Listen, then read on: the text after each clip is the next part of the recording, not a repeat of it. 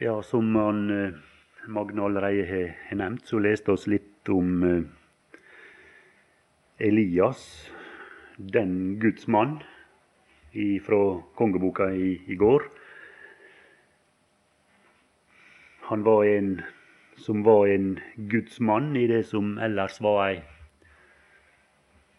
frafallstid, ei forfallstid i, i Israel.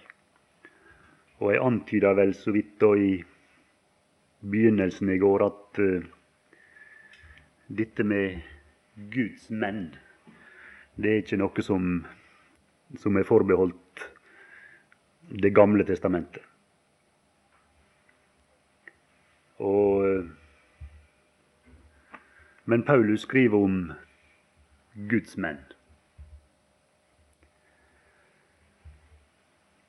Og jeg antyder vel også at eh, oss i dag skulle forsøke oss å lese om hvordan en Guds mann kunne være og skulle være, slik som det er framstilt i, i et brev som beskriver ei forfallstid. Andre brevet til Timotius. At uh, ja, jeg holdt på å si, det som hadde skjedd, det, det leser oss på et vis i, i et lite vers i midt inne i det andre kapitlet her, at, uh, i det 20. verset. Men i et stort hus er det ikke bare kar av gull og sølv. Nei, gi det var så vel at det var det. Men også kar av tre og lær, og noen til ære og andre til vanære. Guds hus hadde blitt stort, og så var der kommet inn kar som var til vanære. Og så fikk huset etter hvert preg av dette her. Men så var ikke det sånn at eh, Timotius behøvde å bli prega av det. Nei, tvert imot. Det gikk an, og det skal vi prøve å se. For en person, for en mann. Og det går an for ei kvinne. Og så være en som er en Guds mann. Guds menneske, som det står om i dette brevet. Jeg vet ikke om man skal si aldri så lite sånn av, av generelle ting, kanskje, aller først. Og så er jeg vel kjent med at det, det er det, det, siste det siste apostelen skriver, sannsynligvis dette her. Han sitter i, i Rom, han sitter i fengsel, og det eneste han har å se fram til, det er at bøddelen skal komme for å ta livet av oss kunne kanskje vente til du, du finner en uh, mismodige Paulus. En som er nedbøyd og knust og ser mørkt på både si, si personlige framtid og på, på framtida for det ordet som han hadde, hadde forkynt. Men sånn er det ikke. Og uh, Nei, snarere tvert imot. Det, det er slett ikke sånn han, når det gjaldt evangeliet, så, så står det noe om at det her i det tolvte verset i det første kapittelet at det han, han visste på hvem han trodde, står der. Jeg vet på hvem jeg tror. Og så så han nok i, i den personen. Visste det var ikke bare at han visste litt om at han trodde på et eller annet, og at dette kanskje var forbundet med en person, men han, han kjente denne personen. Og jeg er viss på Her var noe som for Paulus var fast. Det var ei visshet. Det var usvikelig sikkert. Og det holdt hans mot oppe. Hva var det han var så viss på? Jau, at han er mektig til å ta vare på det som er meg overgitt. Han var klar over det at å, der, der, der er noe som han har gitt meg. Men så var ikke han det aller aller minste bekymra for hvordan det skulle gå med det som Herren hadde gitt Paulus. Det som han hadde fått, og som han hadde gått med, og som han hadde forkynt. Nei, fordi han kjente han som ga han det. Han som han trodde på. Og så så han krefter, ressurser. Han så makt til å ta vare på det, sjøl om han også så at det er hans egen tjeneste, ja, den gikk mot slutten. Han er mektig til å ta vare på det som er meg overgitt. Det er alltid sånn at det oss, oss er i hvert fall det slik at det er lett for å se mørkt på det når, når, en, når en, en, person som, som kanskje har betydd noe for oss i, i åndelig sammenheng, når, når han gjenger bort, når, når han gjenger hjem til Herren. Det kan, ja, Du tenker som sånn når, når, en sånn mann ja, Jeg var ikke så gammel at jeg husker så mye av han eh, gamle Adolf Bjerkreim, men, men jeg veit at det var folk hjemme på Valdres som tenkte på ja, skal tru om det blir noen som kan liksom løfte arven. Det var en Guds mann som gikk hjem. Så For ikke så fole mange år siden så husker oss alle at det, han Jon Aurebekk ble henta hjem til Herren. Og så melder tanken seg ja, er det noen? Vi las ikke, ikke i går om hvordan det var når, når Elias, den Guds mann, ble henta hjem til Herren. Men, men det skjedde noe forunderlig. Han Elisa, som var med nå i den situasjonen, han tok kappa hans, og så, og så rulla han den sammen, og så, og så slo han på Jordan, på, på elva. Og så spør han, 'Hvor er Herren?' spør han. Hvor er Herren, han som var Elias' Gud? Og så skjedde akkurat det samme når Elisa slo på elva, som når Elias litt lenger framme i kapitlet slo på elva. Vatnet delte seg. Og Elias, han var, han var hjemme. Å, men Gud var der fremdeles. Like virksom, like aktiv. Og han utførte det samme. Paulus så fram til sin egen heimferd, men han var fullt viss på at det, han som hadde gitt håndordet, han ville sjøl sørge for at det ble tatt, ble tatt, vare på. Du finner den samme tanken i, i kapittel 2 og vers 9 for hvis skyld jeg lider ondt, like til dette å være bundet som en ugjerningsmann. Det var det som var situasjonen. Han satt der i fengsel, bunden som en ugjerningsmann. Jeg tror ikke han så så mørkt på det heller. Vi veit at det var, det var, sagt om den Herre Jesus i profeten at det, han blei regna iblant ugjerningsmenn. Og, og evangeliet det refererer til profeten Messias. Og Paulus han så det som stort, og så kunne dele samfunn med hans lidelse. Vet oss ifra Filippenserbrevet. Her sitter han der, bunden som en ugjerningsmann. Men, sier han, Guds ord er ikke bundet. Og de kan sperre meg inn i dette her fengselet. Guds ord er ikke bundet. Han var ikke bekymra for evangeliet for evangeliets framtid. Han var ikke bekymra på egne vegne heller. Det, oss kan jo nevne det med I det fjerde kapittel så står det at i det sjette vers jeg ofres allerede, og tiden for min bortgang er for hånden. Ordet bortgang det, det kunne visst bli brukt om i, i, i gresk om i forskjellige sammenhenger. Det kunne bli brukt om å bryte opp fra en, en leir, f.eks. Men det kunne også bli brukt om et skip som la ifra land. Når den siste trossa blei ble, ble løst, liksom. Avgang ville vi vel ha sagt når det gjaldt et skip. Jeg har av og til tenkt på det. Hjemme med oss der vi bor, så går, går Hurtigruta forbi. Og jeg har av og til stått i, i byen og sett på når når Hurtigruta kaster los, så hiver de den siste trossa, og så og så forsvinner hun. Så er det avgang fra Ålesund. Men eh, si, det går ikke så lenge før det der begynner å stille seg opp folk på kaia i Molde. Det er ankomst der. Og det er det han ser her.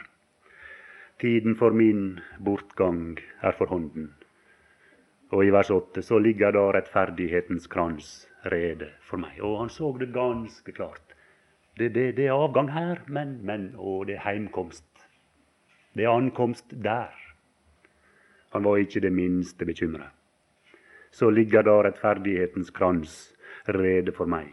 Den som Herren, den rettferdige dommer, skal gi meg på hin dag dog ikke meg alene, men alle som har elsket Hans åpenbarelse. Så visste han så utmerket godt hvor hen han var på veien. Til, til den plassen der det var så, så meget, meget bedre. Ja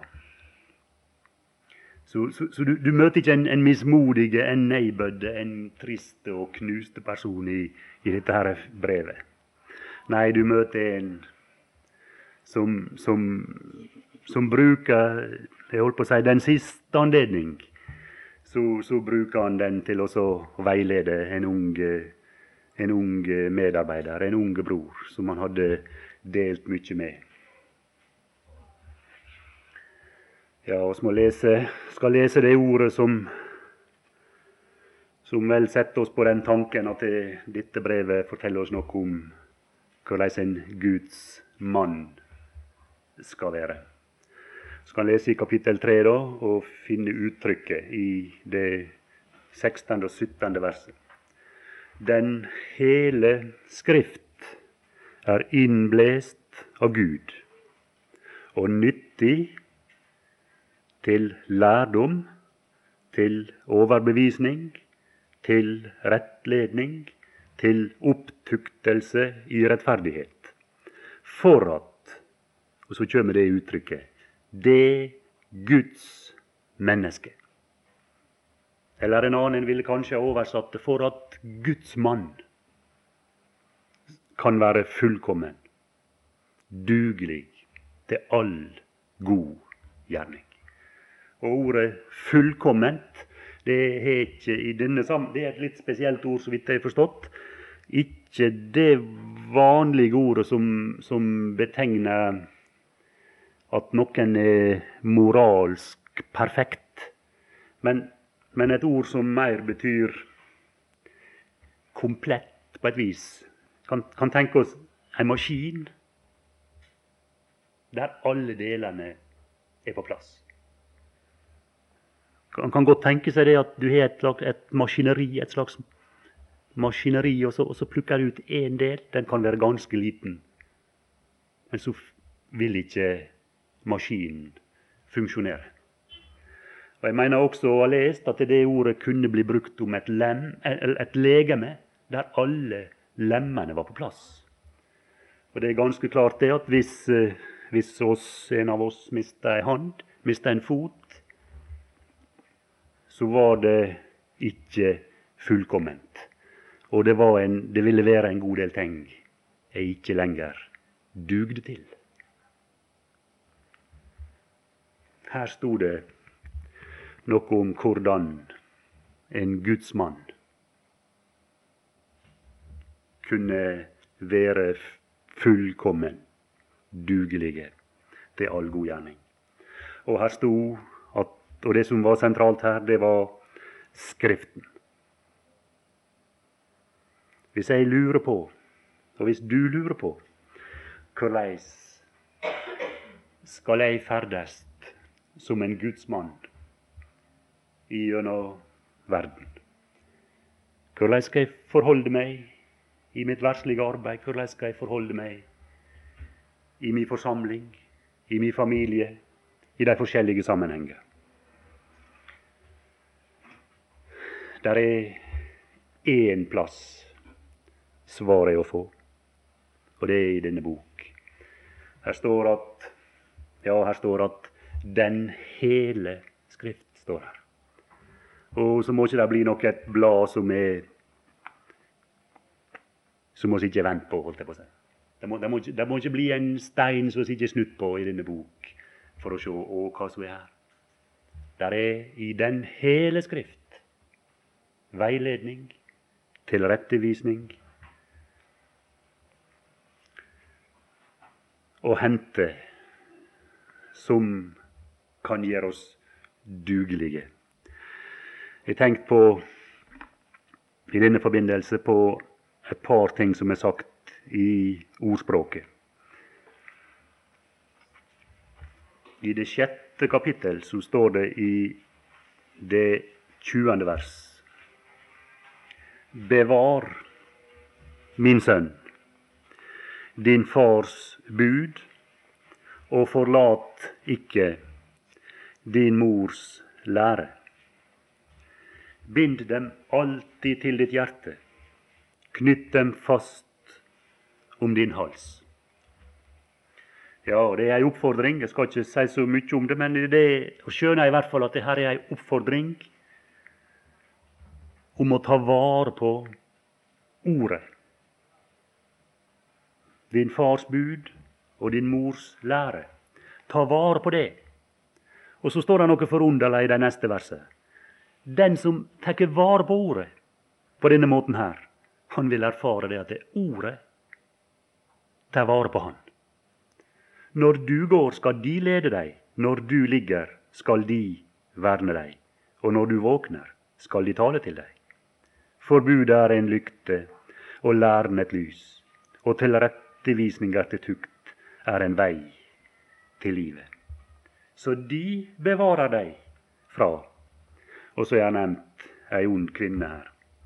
Og der er utallige ting av dårlige innflytelser som denne bok kan bevare meg fra. Ta vare på Ordet, og Ordet vil ta vare på deg.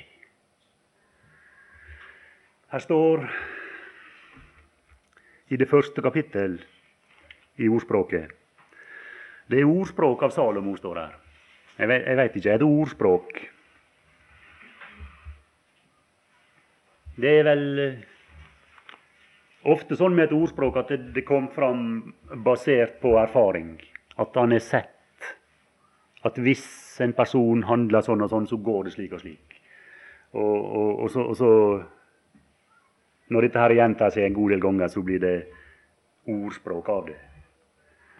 Det er ordspråk av Salomo. Han er, han er samla sammen ordspråk så vi kan lære visdom og tukt og sånne ting av. Men så var det et uttrykk jeg, jeg tenkte på her, som står i det femte verset. Den vise skal høre på dem og gå frem i lærdom, og den forstandige vinne evne til å leve rett, sto her. Og det er ganske fint. Her er ord så det går an å høre og lese og være opptatt med og ved at jeg hører deg og leser deg og er opptatt med deg, så kan jeg vinne evne til å leve rett.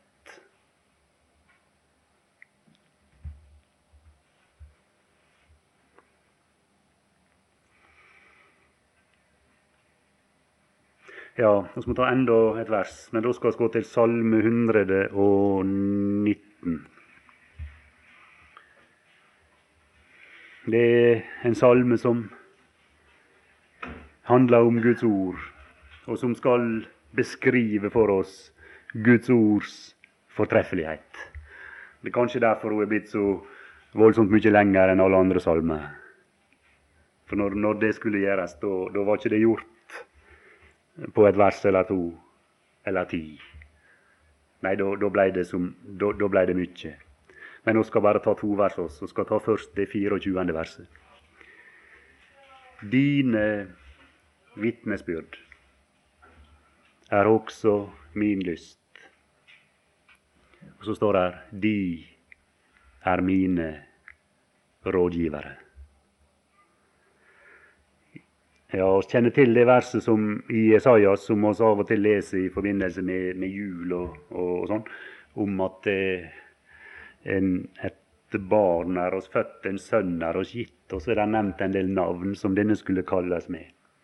Og et av de navnene er at han skulle kalles rådgiver. Rådgiver står der. Ja, her sto at dine vitnesbyrd er mine rådgivere. En rådgiver Vi kjenner til det fra regjeringssammenhenger, ikke sant? Det er en, der er noe som heter Kongens råd.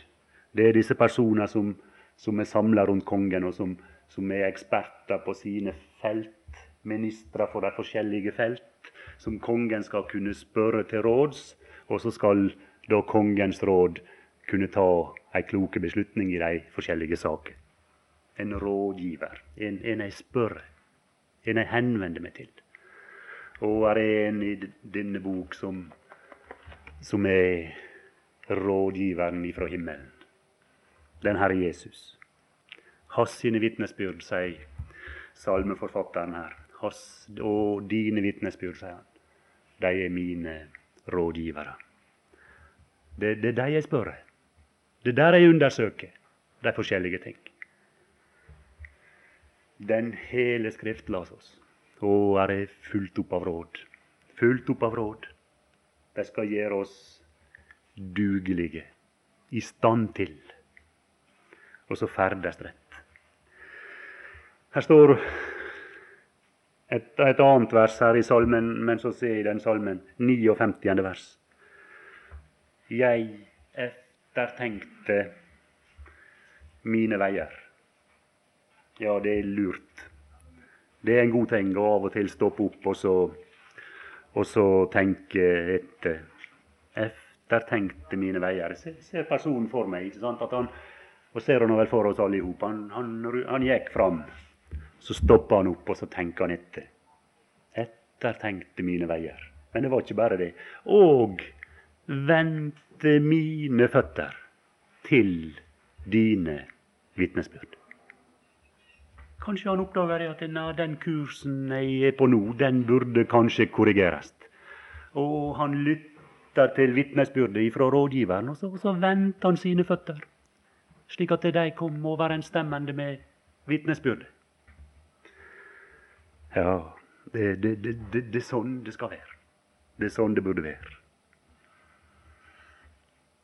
Den hele Skrift, nyttig til til lærdom. Og der sto, der sto forskjellige ting. Der sto bl.a. om rett ledning, ikke sant? Rett ledning.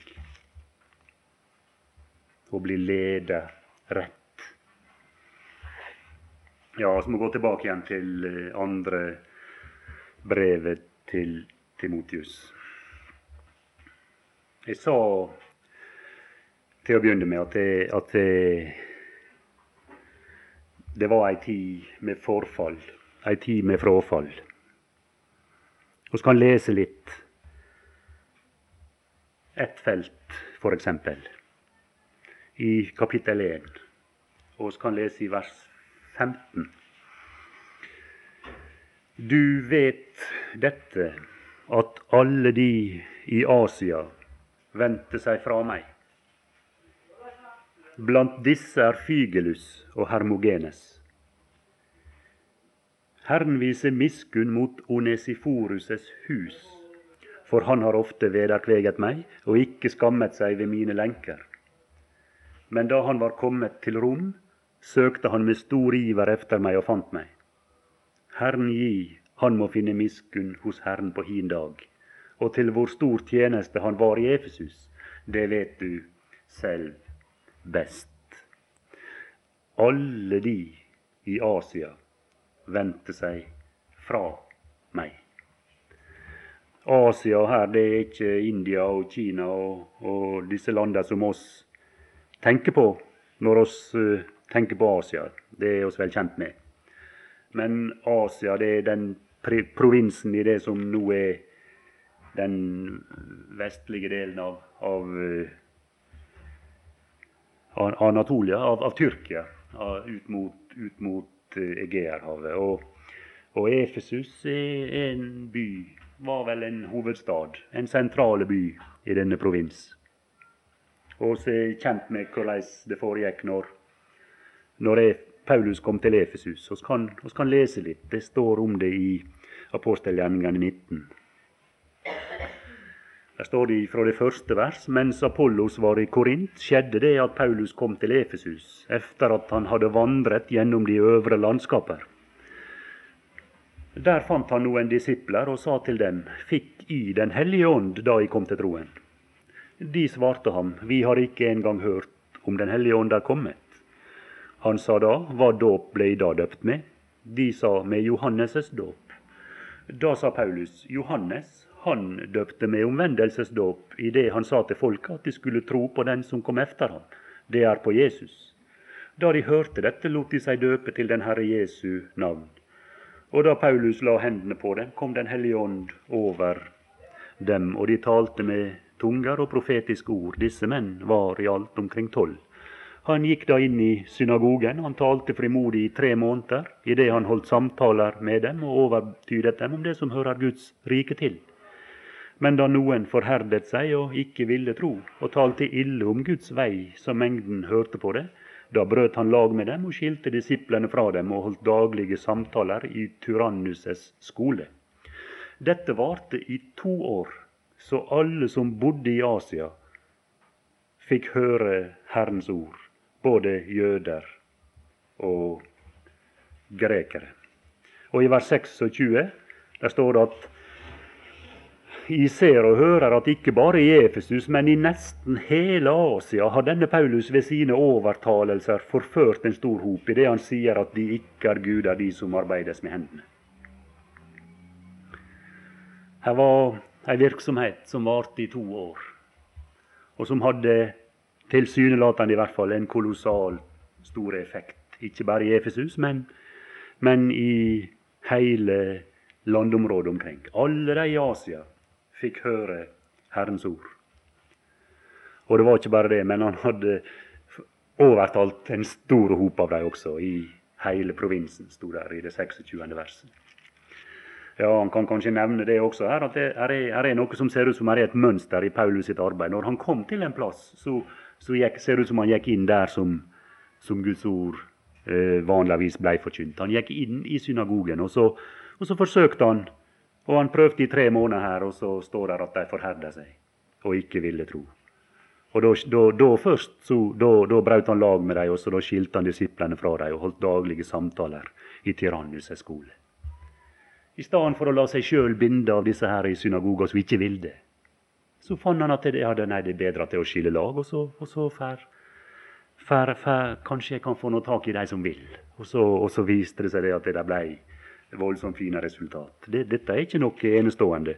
Hvis du ser i, i, eh, i kapittel 18, når han, når han, kom til Korint, så, så, så, så prøver han i, i, det fjerde vers Hver sabbat holdt han samtaler i synagogen, og han overbeviste jøder og grekere. Og der står at i neste vers at han var helt opptatt av å lære idet han vitnet for jødene at Jesus er Messias, men da de sto imot og spottet. Der er den samme motstand ifra den samme krets av folk.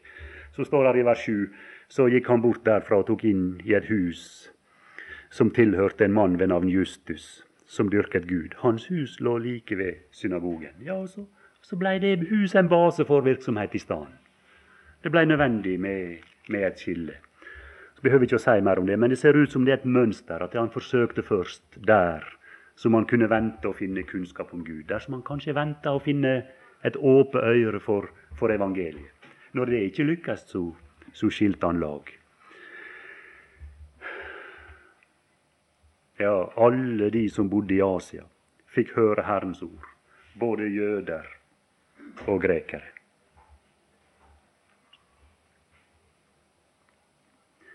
Men så forandrer tidene seg. Og når vi leser apostelgjerningene, så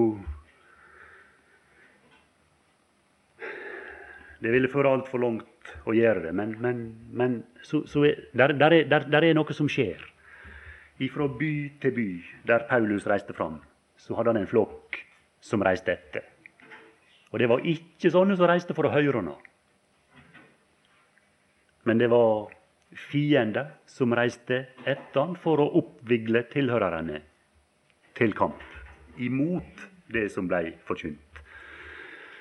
Han oppsummerer det en gang når han snakker om jødenes efterstrebelser. Kan samles i de to ordene. Og av dette her fiendskap, dette hat og denne motstand, så sitter han i fengsel. Så er det sånn at det, når Ja, det var, det var lett også, Det var lett å være på Paulus' side når han sto i vekkelsen i, i Efesus. År etter år varte dette. her. Det, det, det var lett, da. Men så var det vanskeligere når den samme Paulus satt i fengsel i Rom. Da var ikke det så populært å så, å så stå ved hans side. Og så viser det seg det da at eh, disse i Asia, der det så aller mest lovende ut Alle sammen forlot meg, skrev han. Han nevnte et par navn. Blant disse Kanskje det det var de han sist skulle tru. De han sist skulle tru. Blant disse. Ja, nevn et unntak. Det var en som het Onesiforus. Så ber han om miskunn, at Herren må vise miskunn over Onesiforus' hus. Ikke bare fordi han, han, var til stor hjelp i Efesus. Nei, det var det mange som var. Det var det som telte minst. Men han skamma seg ikke. Han var et unntak. Han skamma seg ikke ved mine lenker, sier han. Når han kom til Rom, så søkte han med stor iver efter meg, og fant meg. Han er ofte vederkveget meg, og det var et lysende unntak. Ja, og så står det noe forunderlig i neste vers, og det er kapittel 2 og vers 1. I en sånn situasjon, der de forlater meg på alle, alle plasser, så er de på vikende front. Og så blir da du, min sønn, sterk. Så blir da du. Og Timotius, kan du bli en som går mot strømmen? Guds menn i Det gamle testamentet, de var sånne. De gikk mot strømmen. Bli da du sterk. Og så forteller han om hvordan det kan skje. Bli sterk ved nåden i Kristus Jesus. I Hebreabrevet 13 der er et avsnitt som vi ikke skal gå inn på, men, men der står det om at det er godt at hjertet blir styrket ved nåden. Så står det om at det, nokre, det var noen der i det avsnittet tydeligvis som trodde at det, du kunne få en slags styrke. Kanskje de til og med tenkte at du kunne få åndelig styrke ved, ved mat. Men nei, sier Paulus, det hadde ikke gagna de som gav seg i, i kast med det, men å bli styrket ved nåden. Det blir styrket ved nåden, ikke ved mat som ikke har gagnet dem som gav seg av dermed, Oh, men der er en plass. Der er en plass der der er styrke å, å hente. Og der er en plass Vi har et alter som de ikke har rett til å ete av, de som tjener ved teltet. Og der er en plass jeg kan gå og, og få tilført noe. En plass utenfor porten der den Herre Jesus lei Dit kan jeg gå, og der er nåden åpenbart som ingen annen plass. Der kan jeg ete, og der kan jeg bli sterke. Der kan jeg få tilført de ting som gjør at jeg kan bli, jeg kan bli stående.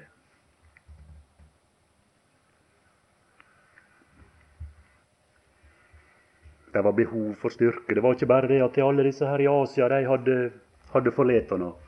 De var på et vis blitt desertører. Men han sier i vers 3 her i det andre kapittel. Lid ondt med meg, sier han, som en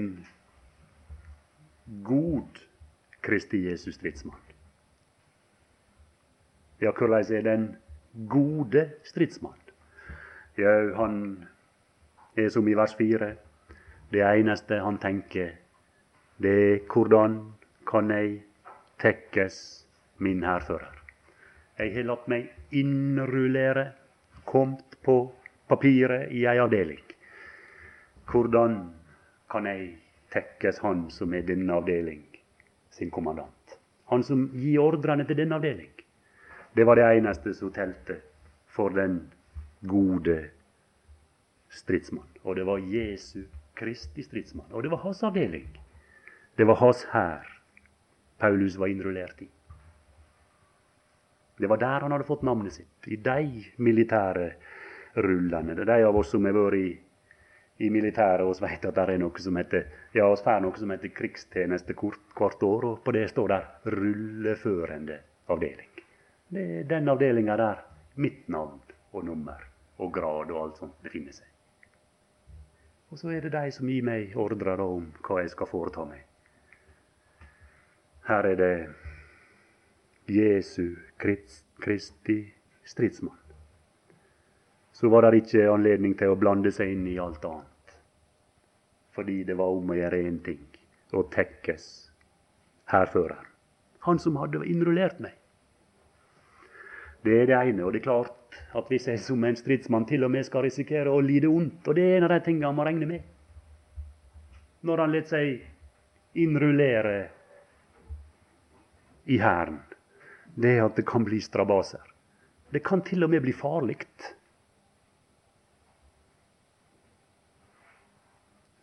Så det er klart det at det var behov for styrke. Og for ikke snakke om når vi kommer i det femte vers. Da, et, da, fører han inn et annet bilde. Da tar han oss med til en idrettsbane. Eller en, en, sånn, en sånn kamp. Strider i veddekamp. Og de som driver på med det, de trener og trener for å bli sterke, ikke sant?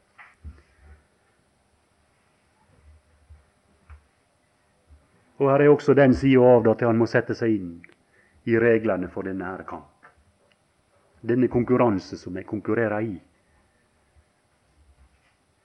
Og han fører inn enda et bilde av en bonde som arbeider. Og det er vel før traktortida, kanskje, så det var et yrke som krevde styrke. Bli sterk, Timotius. Det var så fullt opp av de svake. Så fulgt opp av de som ingenting kunne, og som ingenting ville, og som ingenting formådde, og som var på vikende front hele tida. Og det var behov for noen som kunne stå. Ja, det var en Onesiforus, men det var behov for flere. Der er noen sånne når, når, der er noen sånne 'bli da du' i dette brevet. Og de må oss merke oss. Skal komme til noen av dem etter hvert. Der han beskriver en generell elendig tilstand. og så er han der med en gang. Timotius, du må være annerledes. Og sa noe om frafall her helt til å begynne med, og oss eh, henviste til det 20. verset i dette kapitlet. Og det er sant. Huset var blitt stort, og det var frafall. Og det var forfall, og det var elendighet. Men, men, men om det er slik så, så kan vi i hvert fall minne oss hverandre på det at det er noe som er kalt for, i det 19. vers, Guds faste grunnvoll. Står, eller om du vil, den blir. Altså, Den er der som noe uforanderlig noe. Det som Gud har lagt ned i grunnen. Og på denne grunnvollen så er det satt inn et stempel, et segl. Og der er to linjer i dette seglet. Og på den første linja så står det 'Herren kjenner sine'. Og det er ganske vidunderlig fint. For meg så illustrerer det at det er for den enkelte troende ei linje som går oppover. Et forhold oppover. Og det er på mange vis et, et usynlig bånd imellom den enkelte troende og så himmelens Gud. Herren kjenner sine. Men det er et bånd til. Ei linje til. Og det er synlig. Og det er like sikkert, sto den første linja. Og hver den som nevner Herrens navn, skal avstå fra urettferdighet.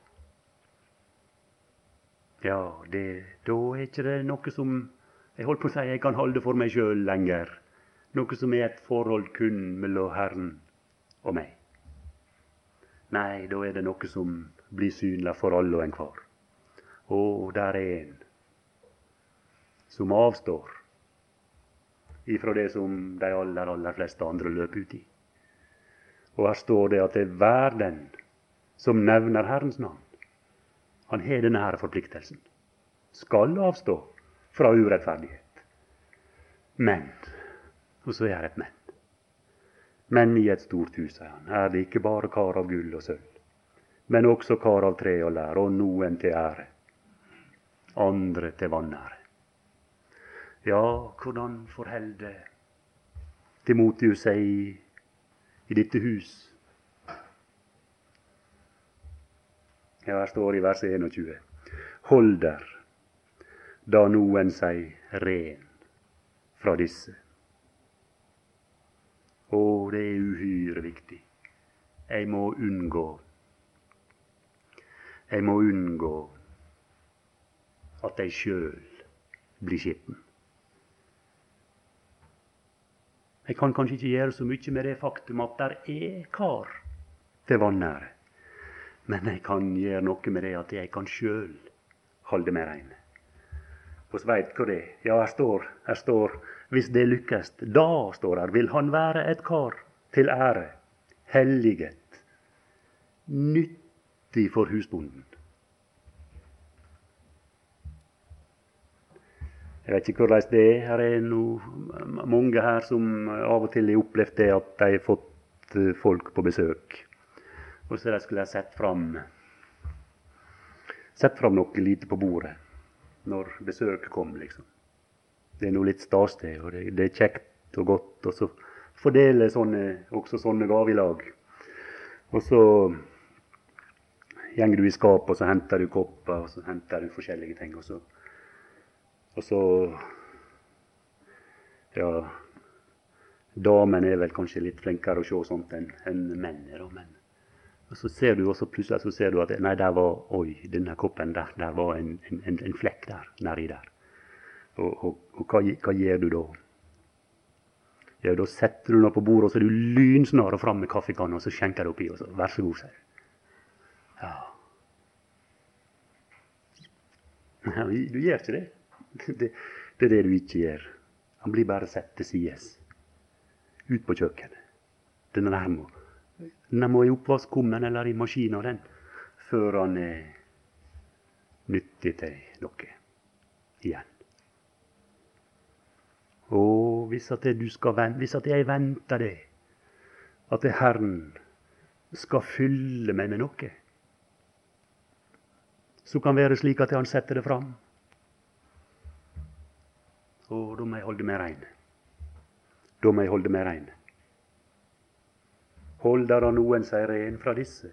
Da vil han være et kar til ære, helliget, nyttig for husbonden, rede til all god gjerning.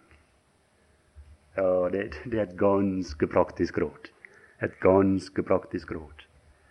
Hvis jeg ønsker å være en sånn som, som Herren, og han som, han som han som ønsker å invitere så mange til å komme til seg for å få noe. Og hvis jeg skal være et av disse kar som han bruker til å gi noe ved, ja, så må jeg holde meg rein.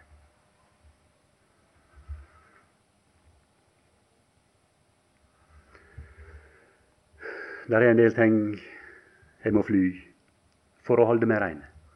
Ungdommens lyster, sier han. Går ikke han i detalj. Og vi behøver ikke å gå i detalj her heller og skjønne hva det betyr. Det er noe av det. Og så er det andre ting jeg må jage etter. Jag efter rettferdighet, tro, kjærlighet. Og det var noe jeg måtte holde meg rein ifra.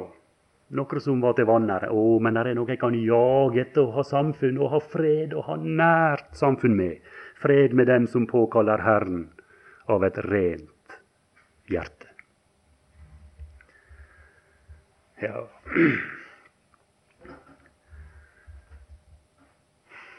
der er et selskap som er verdt å søke. Så finner du noen der du Å, der er en. Der er en som, som lever innenfor Herrens åsyn. Og da er det et selskap som, som det er verdt å forsake mye for, å få, for å få dyrke, for å få søke, for å få nyte. Ja, så er det en del andre praktiske råd her i, i dette kapitlet. Vi må begrense oss litt, for jeg har litt ting jeg vil si ennå.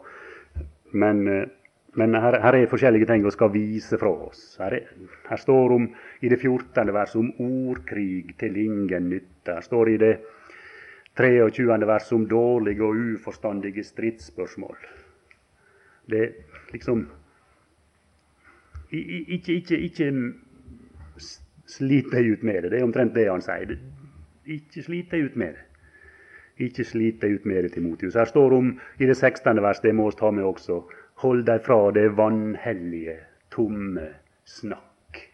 Ja, Er det så farlig, da? Det, det, det, er nå bare prat, liksom. Er ikke det uskuldig prat? Vanhellig, tomt snakk. Og han, han føyer til noe. Han sier de går alltid videre. Og det er så lett for at de ikke stopper med dette her pratet, skjønner du. Det går videre i ugudelighet. Og så er det ikke nok med det heller, men det eter om seg. Som dødt kjøtt.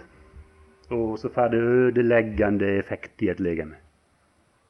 Så nevner han noen navn som Timotius sikkert kjente, som hadde gitt seg av med sånt. Ja, hva skal en Herrens tjener gjøre? En Herrens tjener må ikke stride, nå er vi i vers 24. Ja, må han ikke stride. Sto ikke det at han skulle være en god stridsmann? Jau, men, men, men, han må ikke kaste seg ut i sånne unyttige og uforstandige og dårlige stridsspørsmål. Han må være mild mot alle, dugelig til å lære andre, i stand til å tåle ondt. Så han med sagt modighet viser dem til rette som sier imot, om Gud dog en gang ville gi dem omvendelse, så de kunne kjenne sannheten og våkne igjen av sitt rus i djevelens snare, han som de er fanget av, så de må gjøre hans vilje. Ja, det er et vers som ikke er lest, og som, som er et av de oftest leste i dette her brevet. Det er det sjuende verset i det første kapittelet. Der står det at Gud gav oss ikke motløshetsånd, men kraft og kjærlighets- og sindighetsånd. Og det er et nøkkelvers. Det, det, det er voldsomt fint. Ikke motløshet eller, eller fryktsånd, men kraftsånd. Kraft. Det som jeg holdt på å si sikrer at det, at det der er noe som blir gjort noe, noe som driver ting fram. Men, men, men ikke bare kraft. Å nei. Kraft jeg holdt på å si, på, på krefter som, blir sluppet fri, liksom. Det kan, det kan, føre til så mangt. Å, her er en sånn vidunderlig balanse i dette verset. Her er kjærlighet også. Og det sikrer det at det, ja, det skal ikke være noen som blir glemt, f.eks. I arbeidet.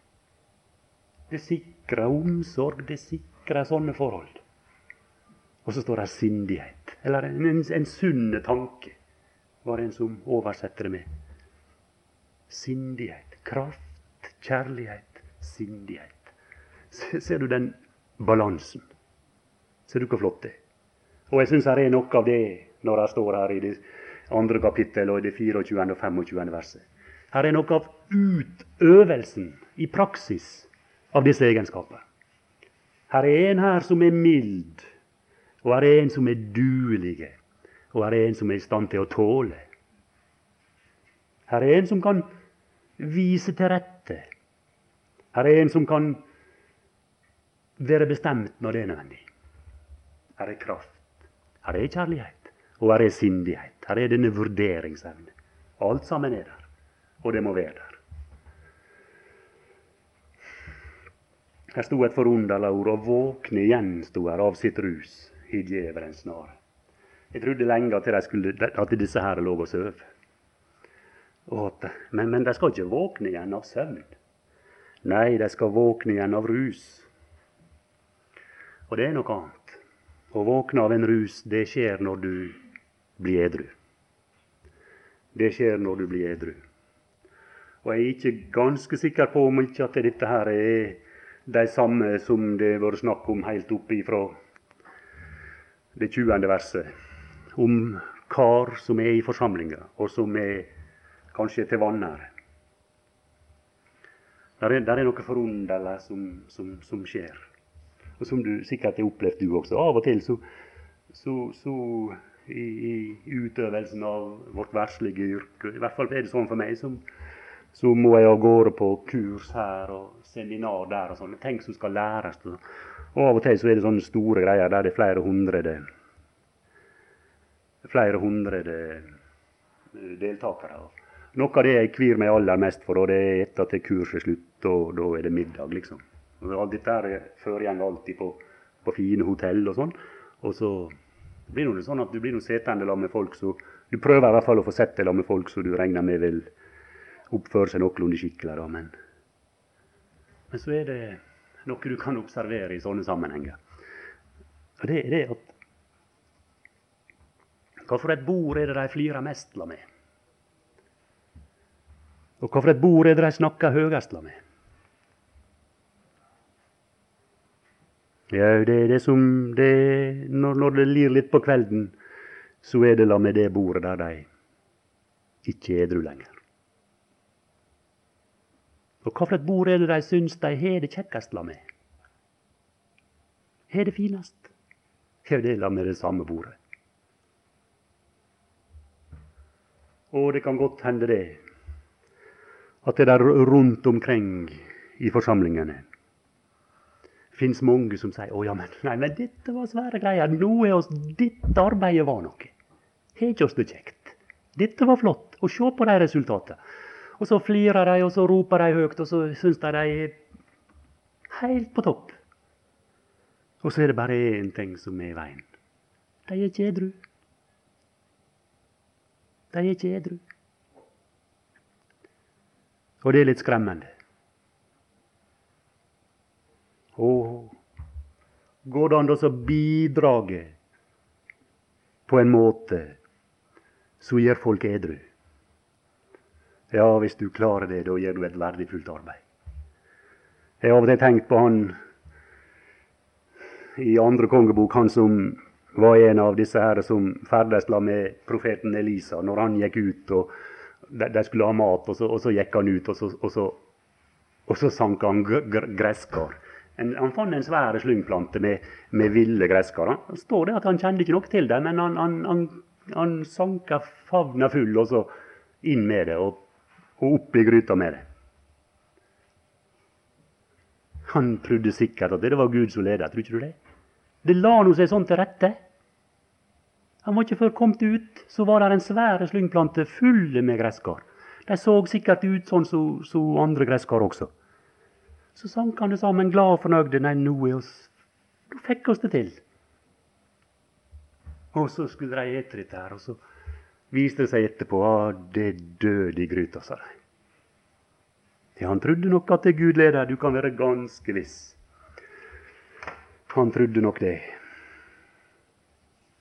Og bidraget med litt edruelighet, det er et viktig bidrag. Ja, nå må vi henge i. I det tredje kapittel Ja, dette er et sånt mot mot strømmen-brev. Guds menn, de var mot strømmen menn. Og I begynnelsen av det tredje kapittel her så begynner han å beskrive hvordan straumen er. Menneskene skal da være, sier han, i de siste tider. Og da skal, da skal det bli vanskelig. Og så lister han opp. Og kjenner igjen disse her uttrykkene. Egenkjærlige, pengekjære. Ulydige mot foreldre, utakknemlige. Upålitelige, umilde, osv. Så beskri han beskriver en livsstil. Han beskriver en livsvandring, en vandel. Og så kommer et av disse her motstraumen-uttrykka som jeg bruker å kalle det i det tiende vers. Men du. Men du. Å, Timotius, du er ikke sånn som de andre. Det var et sånt 'så blir da du' i, i kapittel to, ikke sant? Her er et nytt 'men du'. Og et ganske annet løp. Og jeg tror at det var med jubel i hjertet Paulus kunne skrive dette. Har etterfulgt min lære. Ja, det var ikke bare det at han kunne gjenta de ord Paulus sa. Min ferd, sier han. Mitt forsett, min tro, min langmodighet, min kjærlighet, min tålmodighet. Mine forfølgelser, mine lidelser. Og da begynner det å bli vanskelig. Men det er vidunderlig fint å lese det. Å, Timotius, han, han, han, han, han ferdes annerledes, han enn den stilen som var beskrevet opp forbi her. Men du Å, der er noe annet som har vært mønster for din vandring. Du har sett på meg. Og Paulus han kunne være ganske frimodig når han oppfordra folk til å bli hans sine etterfølgere. Men han, han sier det at det han etterfulgte Kristus. Og så nevner han noe om disse lidelser. og Den kan hver enkelt lese i apostelgjerningene om det som skjedde i Antiokia, i Ikonium og i Lystra. Sådanne forfølgelser som jeg har utholdt. Og Herren har fridd meg ut av den alle sammen. Det er ganske fint. Vi leste om en Guds mann i går. Han gjorde den samme erfaring av den samme Gud. Og han var med.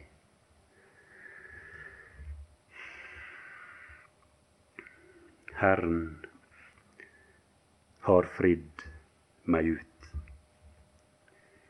Der er ei henvisning til andre Korinterbrev 1. Der er et uttrykk oss godt kan merke oss.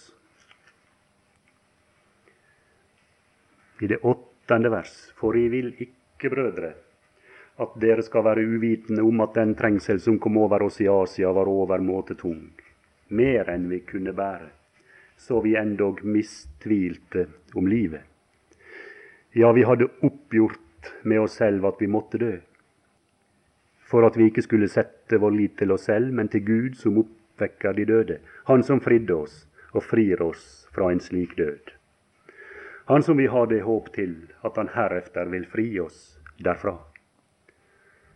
Her sto i det niende vers vi hadde oppgjort med oss selv at vi måtte dø.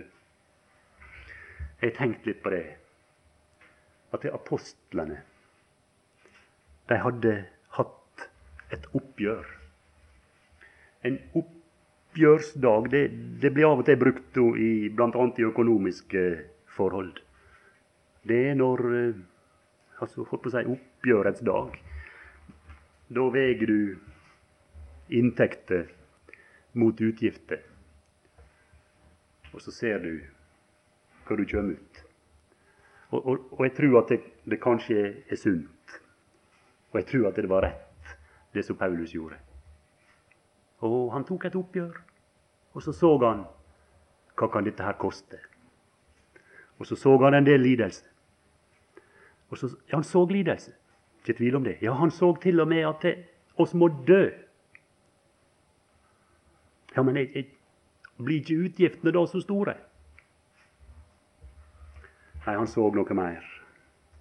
Der står om et sånt oppgjør i Romerbrev 8. For jeg hold derfor, og her vegan tenker mot hverandre, at den nærværende tids lidelser Ja, hvor kom de ut i forhold? Til en eventuell gevinst. Ikke er å akte mot den herlighet som skal åpenbares på oss. Det er ganske fint. Og, og det er sunt. Jeg tror det er sunt for enhver. Og så vite det når han begir seg ut på et eller annet der er ei oppfordring Vi blir minnet i evangeliet om en som, som begynte å bygge. ikke sant? Og så hadde ikke han ressurser til å fullføre det med. Han hadde regna feil i starten, liksom. Det ble dyrere enn han hadde tenkt. Vanskeligere enn han hadde tenkt. Og det var mange Det var mange som hadde begynt. Så hadde ikke de helt tenkt igjennom hva de hadde begynt på. Paulus han hadde tenkt igjennom det. Oppgjort med oss selv. Og, men så var det bare det at han oss er så lett for oss, så ser oss utgiftene. Og ser utgiftene. Så er omtrent sånn som han rik mann som Herren møtte, som, som, som får den beskjeden selv alt du har. Nei, det var dyrt, sa han. Det var utgifter. Og så ja, så blei det med det for han. Å få et blikk på det som skal åpenbares. På det som er de kommende ting og den kommende verden. Da går det an å gjøre et sånt valg som, Herren, som, som Paulus gjorde, og som Timotius gjorde. Ja, og skal finne et par sånne bli du-uttrykk til. og Det ene det er allerede i, i vers 14 i det tredje kapittel. Her er han inne på onde mennesker som kverver synet på folk. De farer vill sjøl, og de fører andre vill. Men blir du i det som du har lært. Det går an å bli stående når de andre får vilt. Det lar seg gjøre, det. Bli du i det som du har lært, og som du er blitt overbevist om, da du vet hvem du har lært av. Og så er oss tilbake igjen der vi begynte. Da du fra barndommen av kjenner de hellige skrifter, som kan gjøre deg vis til frelse ved troen på Kristus Jesus. Den hele Skrift er innblest av Gud og nyttig til lærdom, til overbevisning, til rettledning, til opptuktelse i rettferdighet, for at det Guds menneske kan være fullkomment, dugelig til all god gjerning. Og så se i kapittel 4 og i vers 2. Det er akkurat som at apostelen, etter at han er mint, oppfordrer sin venn til å bli stående og mint meg om hva Herrens ord, Skriften, kan gjøre for noe, så er han i gang med å oppfordre til å bruke ditt ord. Forkynne ordet, sier han. Det kan gjøre vis til frelse. Forkynn det. Det kan overbevise. Bruk det til å overbevise. Det, det er beregna på å skulle rettlede. Bruk det til rettledning. I rette sett, sier han. Det er brukbart til opptuktelse i rettferdighet. Gå i gang, Timotius. Forman med all langmodighet å lære. Å, der er behov for en som står når de andre far vil. Som blir i det som man hadde lært. I vers 3 i det fjerde kapittel, nå skal jeg straks slutte. For det skal komme en tid da de ikke skal tåle den sunne lære men efter sine egne lyster ta seg selv lærere i hopetall, fordi det klør dem i øret. Ja, her er et merkelig fenomen. Han, han, han beskriver en sykdom. En, en, en sjukelig tilstand. Og det er en, eh, en øresjukdom. Og den øresjukdommen den arter seg sånn at den arter seg med ei intense kløe i øra. Og hva er det jeg gjør når jeg klør? Ja, da, da, Hvis jeg er hjemme, så går jeg på bad og så finner jeg en sånn q-tips, heter det. Altså, litt sånn. Hvis jeg ikke er hjemme, så har jeg ofte et fyrstikke liggende i skjortelomma, og så kan jeg Å, ja, det var godt, liksom. Stilte kløen et lite øyeblikk. Hva er det disse gjør? Har de vender øret bort fra sannheten, og så, og så ser de seg om. Å, er det en eller annen plass en finger som kan klø meg i øra mi? Og få denne nysgjerrigheten, denne kløa, et lite øyeblikk. Og så, og så, finner du en hop av folk som far hit og far dit. Overalt så er det sånne som, som står der med klar til å klø folk i øra. Og denne sykdommen den er voldsomt utbredt. Og så kommer et men igjen. Men vær du. Å, du må ikke falle for fristelsen til Motius til å bli en av disse her som står der klar med fingeren til disse her mm, med, med kleiende øre.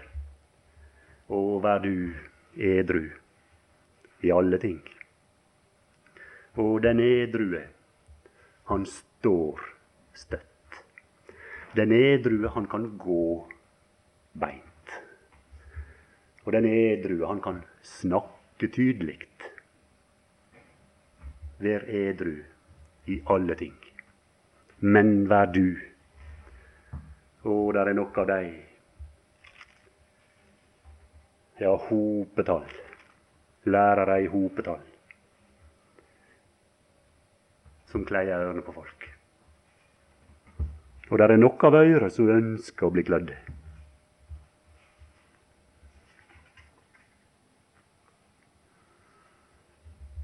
Ja, vi kan ikke si noe mer. Jeg vil oppfordre den enkelte til å lese dette her brevet. Og så legge merke til disse herre men du. Bli du. Vær du. Og det er Guds mann. Og hvis noen skulle ønske, og det er et godt ønske om noen skulle ønske det, kan jeg bli? Kan jeg bli en Guds mann? Kan jeg bli en som er noe for mitt folk i min tid? Ja, så du som er en frelste person, du kan det. Og den veien oss alle må gå for å bli det, det var den som sto her. Den var innom Skriften. Den gjør dugelige. Ja, gode far, vi vil komme fram for deg og så takke deg, takke deg for ditt ord.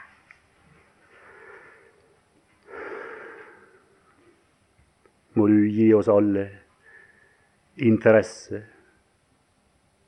og lyst og krefter til å søke inn i ditt ord.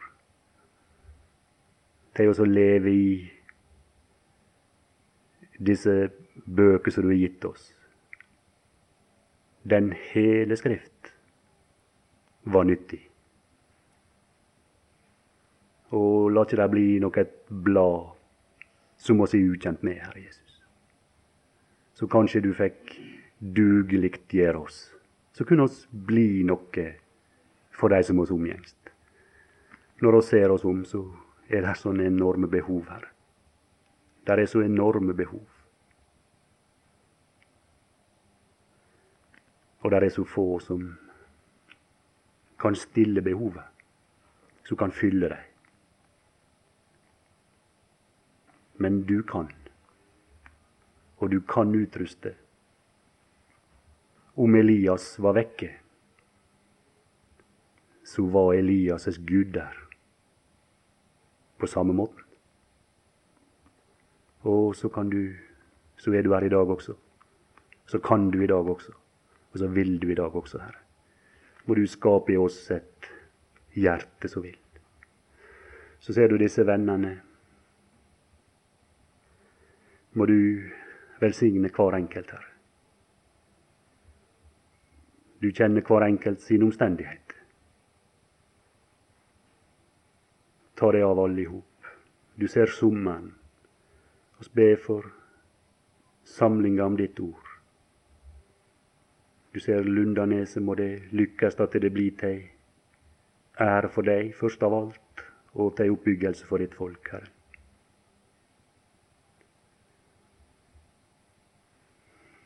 Så tar du det av oss alle sammen. Amen.